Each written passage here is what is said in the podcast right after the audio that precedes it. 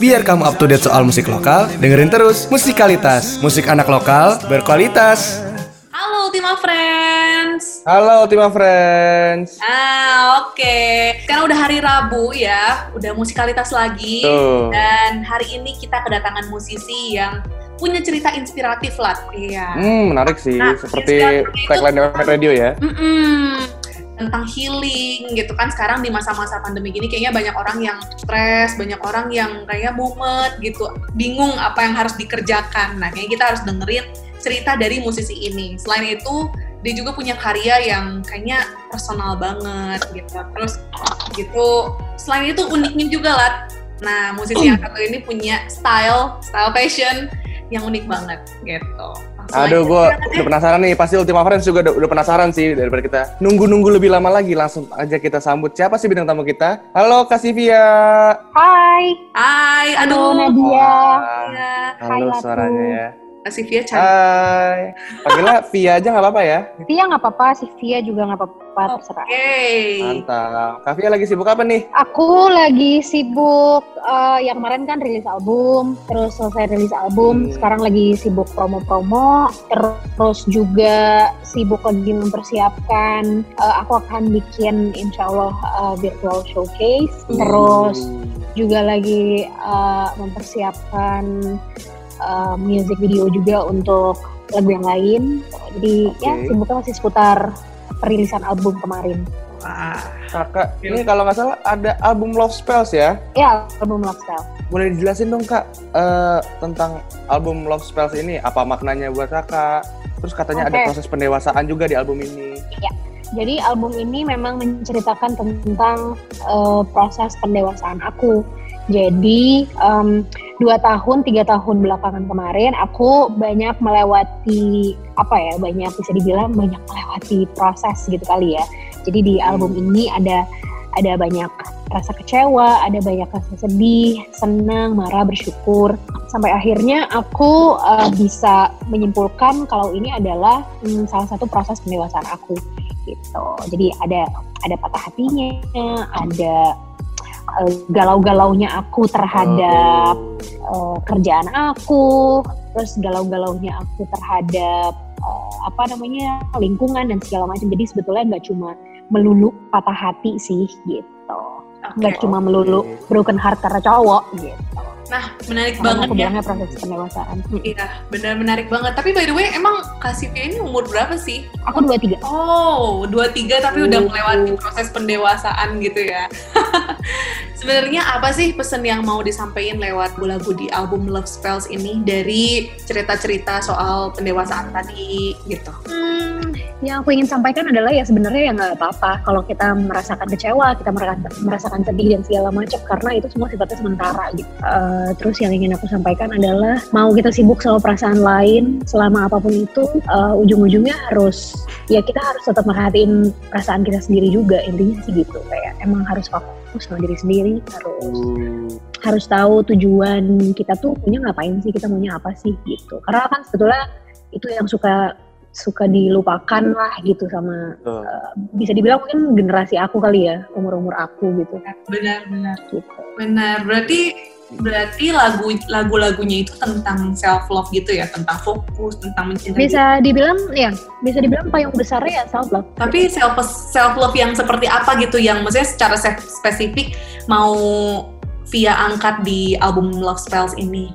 Em, sebetulnya gini, em, karena di album ini aku banyak menceritakan kegalauan aku dan segala macam karena banyak hal, mungkin karena terlalu banyak mendengar apa kata orang, terus apa yang terjadi di luar sana gitu. Yang self love yang aku maksud adalah eh, apa pun yang terjadi di luar sana, eh, ya ujung-ujungnya kita harus tetap mikirin diri kita sendiri juga sih gitu kayak tanya dulu ke diri sendiri maunya apa, suka apa enggak dan segala macam jangan cuma jangan cuma perka maksudnya jangan cuma semudah ikutin ego doang tapi sebetulnya nggak sepenuhnya menginginkan hal tersebut gitu Iya iya iya iya. Eh, tapi Kak, lagu buat Kavia nih yang kan ini sealbum nih tentang self love. Yang Hmm. menurut Kavia paling paling berkesan atau misalnya penulisannya mungkin paling relate atau gimana itu yang mana? Em, semua relate karena semua based on my experience terus semua memang aku tulis sendiri. Um, semua relate sih kalau ditanya yang paling relate yang mana. Ya karena semua itu prosesnya aku lewati gitu, jadi semuanya pasti relate gitu. Hmm. Denger-denger tapi ada satu lagu Paling berkesan gitu. di ditulis sendiri ya katanya. Bener-bener kayak pertama kali nulis sendiri gitu. Lagu Storm, bener nggak kak? Uh, Storm tuh lagu pertama yang aku tulis sendiri. Uh, walaupun memang uh, satu album semua memang aku sendiri yang nulis. Oh, Hmm, Oh. Tapi lagu Storm adalah lagu pertama yang aku tulis. Gitu. keren. Boleh bahas sedikit nggak nih kak? Bocorin tentang arti Hmm, dari Storm. Stormnya atau Nah, refnya? Storm itu aku menceritakan eh, Storm itu aku menceritakan tentang ya broken heart itu pertama kali aku merasakan patah hati terus eh, pada saat itu aku sedih banget itu tuh tahun lalu Aw- Iya awal tahun tahun lalu pertama kali aku broken heart aku sedih banget dan segala macam terus aku mencoba nulis oh ternyata bisa gitu Sedih banget. Hmm. Sedih banget. gitu Tulis galau gitu. Maksudnya gimana ya?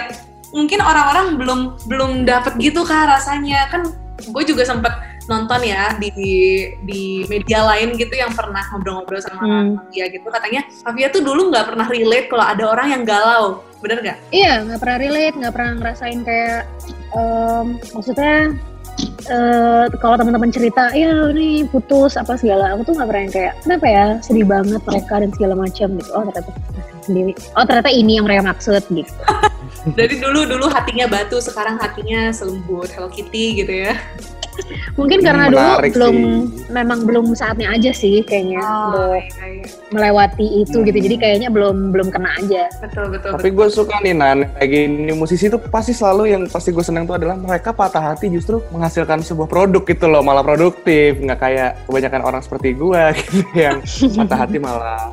Rebahan. Ya, patah hati malah. ya. Nah, tapi Kavia sendiri nih menghadapi patah menghadapi patah hatinya sendiri nih gimana maksudnya yang apakah kakak do- do- eh, jadi di malas ngapa-ngapain, jadi malas bermusik apa gimana? Ya normal aja sih sebetulnya kayak eh, ya pastilah sempat ada momen-momen mager ngapa-ngapain ya kan. Terus Hmm, eh apa namanya cuma mikirnya kalau misalkan kayak gitu mulu buat apa juga kan jadi ya udah dibikin jadi karya aja Keren banget. oh, I see. Keren banget ini kayak orangnya tuh Kavia ini orangnya kayak santai, slow gitu. Terus tahu-tahu Nggak kelihatan ya kalau patah hati ya. ya kan? normal Gitu aja ya. sih sebetulnya sebetulnya sama aja Iya. Oh, sama aja di sini, tapi di waktu itu udah pecah banget pas itu udah penuh iya iya dan iya pasti aduh. Ini dengar-dengar eh, katanya Kavia ini pernah eh, berhenti bermusik ya, berhenti produksi, Iya. berhenti berkarya gitu selama dua tahun bener nggak kak? dua tahun ya Dua tahun ya. Nah boleh ceritain nggak sih selama dua tahun itu eh, lo ngapain aja? Terus ngapain aja gimana caranya? Iya gitu kan? Gimana caranya kayak memulai lagi sesuatu yang baru? Terus langsung langsung kayaknya langsung ngebut gitu nggak sih? lumayan sih setahun. Em, hmm, kenapa aku ngapain aja selama dua tahun? Em, aku sempat nyoba banyak hal. Kenapa dua tahun itu juga aku break? Karena ya menurutku kayaknya emang butuh istirahat dulu aja sih gitu. Karena kan waktu itu juga kuliah. Jadi biar ya biar pulang kuliah tuh ada istirahatnya lah intinya sih gitu. Terus habis itu selama dua tahun itu ngapain aja? Dua tahun aku sempat nyobain jadi penyiar. Aku siaran radio di salah satu radio swasta Uh. Mustang. Terus abis itu aku aku sibuk siaran terus em, ya karena sekolahnya juga sekolah fashion design. Jadi eh, ada beberapa pekerjaan yang memang ke arah sana juga gitu. Di lumayan aktifnya di dua dua hal itu sih selama dua tahun kemarin. Hmm. Jadi sama sekali nggak bermusik, Hmm. sama sekali nggak nyanyi. Ah, sama sekali nggak Oke. bermusik, sama sekali nggak nyanyi. Itu kira-kira apa yang dirasain tuh? Nggak nggak menghasilkan karya, tapi sebenarnya pengen punya cita-cita ingin kayak berkarya, ingin ya gimana prosesnya sampai bisa akhirnya ketok kali oke gitu gue mau fokusin di musik gitu. Iya. Hmm, oke.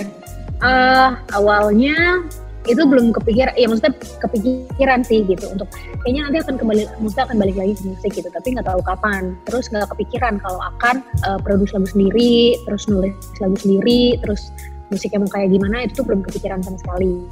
Em, tapi selama dua tahun itu aku tuh nggak pernah absen ke festival musik, konser kayak gitu-gitu kan. Nah Oh, suka iya, ngelihat banget. eh, suka ngelihat teman-teman musisi yang manggung dan segala macam kok rasanya kayaknya pengen ikutan manggung juga ya gitu. Nah dari situ Hmm. kepikiran untuk kayak oh kayaknya balik lagi deh ke musik gitu. Ya, ya, emang dari dulu guanya musik gitu ya. Iya aku dari kecil dari iya dari umur 6 tahun di nyanyi. Anak Oh dari enam tahun. Wah astaga. Bener-bener latihan musik apa apa gimana tuh? Apa, apa Iya memang aku belajar. kecilnya gimana tuh? Iya emang emang aku belajar dari umur 6 tahun tuh emang aku sekolah nyanyi. keren. Gila. Hmm. Berarti sebenarnya membuat membuat lagu ini bukan hal yang baru dong gitu atau Hmm, kalau hal yang baru? Kalau nulis lagu tuh eh, ini tuh memang kali pertama aku nulis lagu karena kan sebelumnya pasti udah ada pencipta lagunya, aku udah tinggal ya tinggal bisa dibilang tinggal terima beres gitu kali ya bahasanya. Hmm. Jadi belum Hmm. pernah nulis sendiri gitu. Sekarang akhirnya aku hmm, memutuskan untuk nulis lagu sendiri, terus juga in charge juga di produksian lagu-lagunya. Jadi ikutan bikin musiknya juga. Jadi kalau untuk bikin musik dan segala macamnya ini pengalaman pertama. Tapi kalau untuk di dunia musiknya udah dari umur 6 tahun. Oke. Kalau Gitu. tadi kan bilangnya pengalaman pertama nih, selama pengalaman pertama itu tantangannya apa aja sih kak dalam segala proses Hmm. dan sampai produksinya gitu? Em, banyak banget sih. Em, ada ya pasti ada insecure-nya kayak beneran bagus nggak ya nih lirik yang gue tulis gitu. Ada Oh, beberapa kakak bisa insecure juga? pasti pasti Eh, ada Oh. ada beberapa ada beberapa orang lah yang memang aku aku tanyain gitu mungkin kayak semi konsultasi gitu kali ya Hmm. ada beberapa sahabat gitu yang aku tanya kayak bagus nggak sih liriknya Eh, layak nggak sih gitu liriknya tuh kira-kira nggak apa-apa ya untuk dijadiin lagu kayak gitu-gitu. Ada Oh, banget. Mungkin itu kali ya. terus mm-mm. terus apa lagi ya?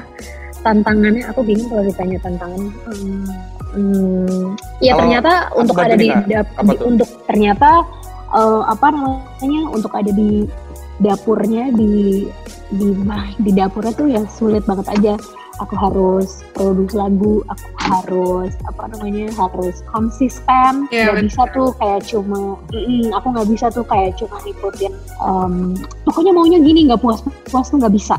Kalau udah kalau udah ada di dapurnya Hmm. udah harus tahu udah harus tahu limitnya itu harus sampai mana.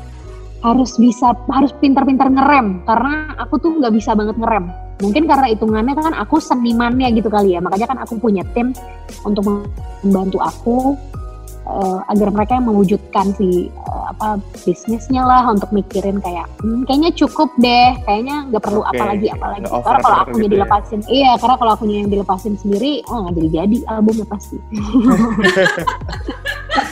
Karya terus jadi paling gitu itu ya. sih.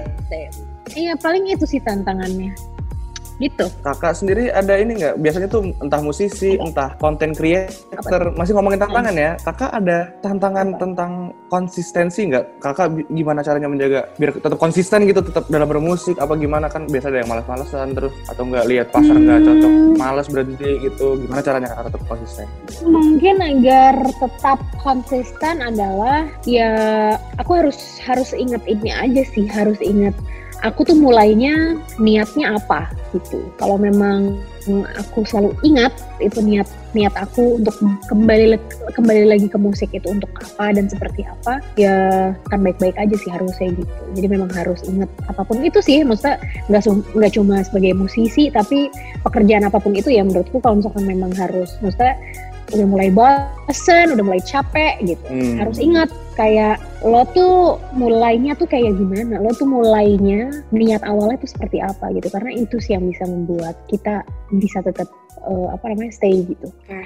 Ini menarik banget yang tadi eh, lu bilang soal konsistensi, soal dapurnya itu gimana gitu. Nah sebenarnya eh, kalau misalnya ngomongin dapurnya gimana, bener tadi soal musisi itu kan ngomongin soal kayak emosi, perasaan, gimana tahu cara mainnya dan lain-lain. Dan Iya. di album yang sekarang ini dia bilang eh, ini tentang pendewasaan gitu. Nah itu Hmm. sebenarnya eh, Kavia yang dulu tuh emang kayak gimana? Emang bisa melewati pendewasaan sampai sekarang? Apa bedanya gitu? Hmm, pasti sama-sama aja sih sama semua orang yang seumuran sama aku. Uh, Kayaknya enggak deh. Ya, aku nggak ngerasa. Kayaknya enggak deh. enggak sih, kayaknya sih sama-sama aja ya. Maksudnya um, sama-sama aja kok. Maksudnya aku yang dulu mungkin um, um, dulu bisa aku simpulkan sih gini sih ya. Aku dulu selalu bermasalah sama yang namanya how to control myself gitu. Kayak hmm. um, aku nggak pernah aku nggak pernah bisa untuk untuk untuk untuk hal itu gitu Nah, sekarang ya seiring berjalannya waktu dan aku juga semakin besar gitu ya. Jadi it, itu sih yang aku aku harus pelajari gitu. Nah, di album ini tuh intinya ya itu juga sih gitu, control all about control sih apa pun gitu ya yang kita jalani. Apalagi control diri kita sendiri itu menurutku salah satu hal yang rumit gitu. Jadi mungkin perbedaannya kalau dulu mungkin lebih lebih apa ya lebih enggak ya lebih bodo amat dan segala macam ya walaupun sekarang kalau dilihat juga maksudnya aku bisa dibilang lumayan cuek ya bodo amat hmm. juga gitu cuma um, hmm. kayaknya sekarang udah lebih apa ya ya aku udah lebih lebih settle sedikit kali ya maksudnya lebih wise aja sih gitu ya walaupun nggak sepenuh ya belum sepenuhnya wise aku meyakini itu gitu cuma at least sekarang aku udah nggak tahu gitu at least aku udah udah udah udah mulai udah mulai berdiri gitu. Kayak oh ya gue tahu nih gue maunya apa gue harus ngapain gitu. Benar. Hmm. benar benar. Gitu. Soal bodo amat ya tadi ya bodo amat. Oh dulu bodo amat. Mungkin hmm. masih bodo amat juga cuman lebih ke bodo amat yang fokus gitu ya. Lebih ke positif. Iya iya. Iya nggak sih? Lebih lebih tanggung jawab sama apa yang dikerjakan itu gitu sih. Hmm, Betul sih. Iya iya iya. Ini juga nyambung ke kayak banyak ya anak muda sekarang nih kak yang mau memulai sesuatu tuh banyak mikirin apa kata orang, banyak mikirin nggak bisa gitu sedikit bodoh amat aja gitu kayak ya gitu mungkin gimana cara Kavia ini nemuin apa yang mau dilakukan, apa yang mau uh, jadi diri sendiri gitu, kayak freestyle-nya, dari musiknya gitu, itu gimana kak? Hmm, intinya ya lakuin apa yang kamu suka, jalanin apa yang kamu yakini. Abis itu ya harus terima apa pun itu resikonya gitu. Siap nggak siap harus terima apa pun itu resikonya karena menerima resiko mau itu enak mau itu gak enak itu salah satu bentuk tanggung jawabnya juga sih. Gitu di uh, ya se gitu kali ya menurutku karena itu yang aku lakukan gitu itu yang aku jalani uh, lakukan apa yang aku suka aku meyakini apa yang aku yakini. Ya menurutku kalau udah yakin sama diri sendiri itu udah ya akan lebih baik aja sih semuanya sampai baik aja gitu. Berarti karena yang tahu diri kita sendiri yang tahu yang tahu diri kita sendiri adalah kita sendiri. Yang yang peduli sama diri kita sendiri truly peduli ya diri kita sendiri gitu. Jadi semua kan intinya kuncinya ada di ada di diri kita sendiri. Berarti sekarang Kavia udah ada kayak ngelakuin di kehidupan yang uh, memang bener-bener gue banget gitu. Udah puas sama apa yang hmm, dilakukan dipilih. Kalau iya kalau untuk untuk saat ini sih alhamdulillah aku bisa dibilang lumayan puas ya gitu. Kayak oh gue udah di path yang memang gue pilih nih gitu. Emang sudah memang sudah sudah di di bidang yang memang aku suka gitu. Oke. Okay. oke. Okay. itu okay, beruntung. okay. maksudnya bukan beruntung juga maksudnya banyak orang yang sampai tua pun nggak tahu gitu kan sampai uh, yeah. uh, gitu semoga yeah. terus terus inilah ya terus konsisten tadi yang kayak Kavia bilang lima tahun tahun ke depan gitu eh tapi bentar dulu gue masih mau nanya nan gue masih mau nanya nan hmm. kan uh, dari tadi ini kan gue denger ini cerita kakak yang tentang self love ini uh, di albumnya Love Spells ini Love Spells. kakak ini bercerita tentang uh, perjalanan kepribadian kakak nih ya dari yang kakak yang dulu gimana sampai yang sekarang udah menjadi lebih cinta sama diri sendiri gitu ya. Iya. Nah jadi uh, kakak ini dalam perjalanan perjalanan ini yang yang naik turun banget nih yang berlika-liku ini apa sih sebenarnya pelajaran hidup yang benar kakak kakak dapatkan gitu dalam ini selain mungkin ya tadi yang kita nggak bisa eh cuma kita yang bisa mengerti diri kita sendiri gitu atau apa mungkin pelajaran yang yang paling utama itu dari kakak sendiri itu mungkin ya yang paling utama yang poin yang bener-bener kayak ini yang bakal gue bawa sampai nanti banget gitu control hmm. control ya yang tadi ya oh ya everything is on control gitu apa pun itu gitu semua itu harus dikontrol uh, perasaan harus dikontrol emosi harus dikontrol. Um, coba yang nempel sama diri kita dulu ya gitu, itu perasaan, emosi, ego hmm. kita pun harus dikontrol gitu. Itu tuh semua sudah memang sudah ada di di setiap orang gitu. Setiap manusia itu pasti punya itu ego, emosi dan segala macam gitu. Dan kita dikasih itu, kita dianugerahi itu tugas kita sebagai manusia adalah ya kontrol apa pun itu yang udah dikasih gitu. Pergunakan dengan baik gitu. Karena uh, setelah maksudnya setelah aku patah hati dan segala macam aku tahu banget kenapa aku galau banget dan segala macam karena sebetulnya aku tidak bisa uh, apa ya aku tidak bisa merilis aku tidak bisa uh, uh, aku tidak bisa kontrol aku tidak bisa merilis karena aku tidak bisa kontrol jadi aku bingung gitu rilisnya gimana ya caranya rilisi sedihnya rilisi kecewanya gitu kalau memang aku aku bisa kontrol, aku bisa tahu kapan aku harus rilis dan bagaimana caranya gitu. Itu kan yang benar ya kan. Hmm, betul. Yang kan kita lagi uh, kita lagi kecewa gitu marah ya nggak apa-apa sedih nangis nggak apa-apa gitu. Tapi semua tuh harus ada timingnya harus ada hmm, semua tuh nggak bisa lama-lama intinya gitu. Karena ya balik lagi yang aku jelasin di awal semua tuh sifatnya sementara gitu. Kita dikasih sedih dikasih marah hmm. pasti nggak lama dari itu kita, akan ngerasain apa pun itu ya. Mau, mau itu kecil ataupun besar pasti ada aja senangnya lah pasti ada aja ketawanya. Nggak mungkin kita dibikin seminggu sedih terus nggak mungkin banget gitu. Jadi keren banget. Keren banget karena biasanya gitu, musisi, jadi musisi itu ngomonginnya soal uh, seneng ya seneng senang sedih ya sedih. Tapi di dalam karya-karyanya ini kayak kalau Kavia lebih ada nekenin timingnya juga ada bener sih kak. Bener sih hmm, sedih jangan sedih banget gitu. Iya iya iya Nah gitu sih, jadi ya all about control. Jadi apa yang aku pelajari adalah ya kendalikan apa pun itu yang kita miliki gitu. Oke, okay. menarik sih, emang gitu. menarik banget sih topik-topik tentang self love ini sangat lagi ini banget sih. Tapi itu kan cara kakak mengenal diri kakak nih tentang ya self control itu adalah tentang mengenal diri sendiri. Nah kalau misalnya dalam dikenal dikenali orang lain nih, kakak nih pengen dikenal sebagai musisi yang kayak gimana sih? Atau udah misalnya udah sesuai ekspektasi kakak, misalnya eh gue pengen jadi musisi yang uh, stylish banget atau yang mengedepankan self love banget atau gimana tuh yang kakak harapkan aku lihat pengen dikenal sebagai ya pokoknya aku pengen dikenal sebagai musisi yang konsisten hmm. pamit sama musiknya sama project-projectnya terus juga tetap apa ya ya stay humble terus ya aku bisa intinya aku bisa konsisten sih sama apa yang aku bikin. Aku bisa hmm, apa ya aku juga berharapnya aku belajar dari apa yang aku bikin gitu sih. Jadi masalah stylish lah masalah keren lah segala macam itu urusan belakangan. Yang penting ya dikenal sebagai musisi yang konsisten aja sama karya-karyanya gitu. Konsisten. Hmm, gitu. amin. Ya ya ya. Gitu. Amin. keren. Itu ya konsisten gitu. Konsisten yeah. sama kontrol. Asik. Sivia 2020 Oke, nah uh, Ultima Friends, kita tadi udah ngobrol-ngobrol tentang perjalanannya Sivia mulai dari uh, sebelum uh, dua tahun sampai akhirnya gimana bergumul gitu ya. Uh, gimana bisa nemuin apa yang mau dia kejar sampai akhirnya sekarang mulai bangkit dan berkarya lagi. Keren banget. Sekarang kita mau masuk ke segmen yang gak kalah keren ya Wat ya, CLBK. Betul, cari lagu buat kamu, okay. mantap. um, kita kan udah lama putus nih, boleh nggak kalau aku CLBK? Hah? CLBK? Kan aku udah punya yang baru. Bukan gitu.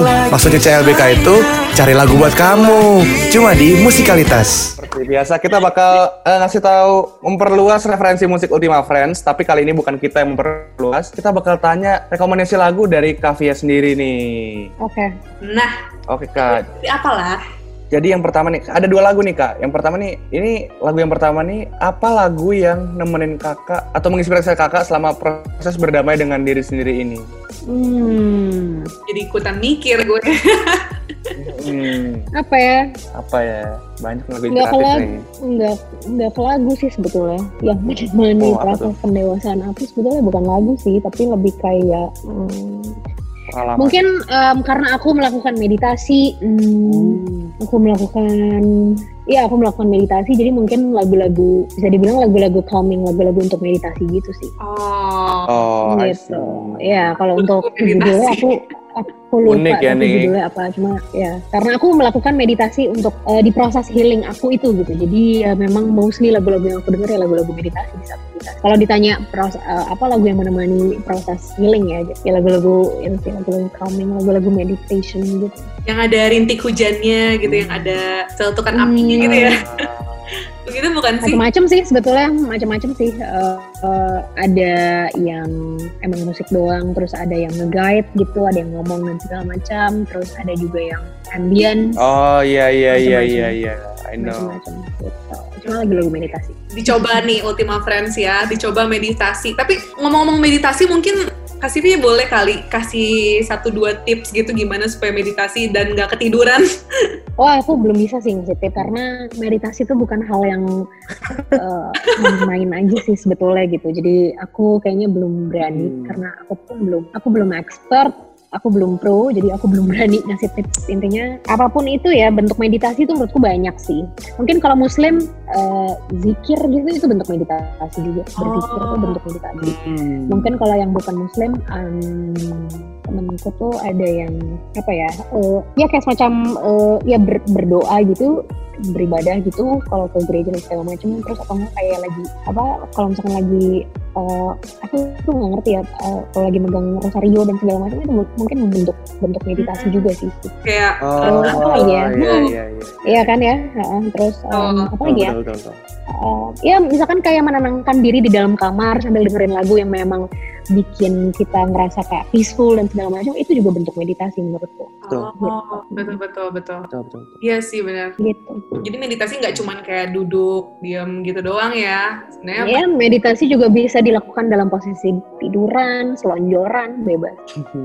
gitu. Oke, sih. sip. Nah, lagu yang kedua, mungkin Ya, apa yang menjadi referensi buat karya-karya Ya. di karya-karyanya Kavia ini? Hmm. oke kalau karya banyak ada. Hmm, aku suka banget intinya aku suka banget black music, aku suka banget R&B, pop soul. Oh. terus ya aku mendengarkan banyak eh, di genre itu Satu lagu dari Terus. Yang Indonesia.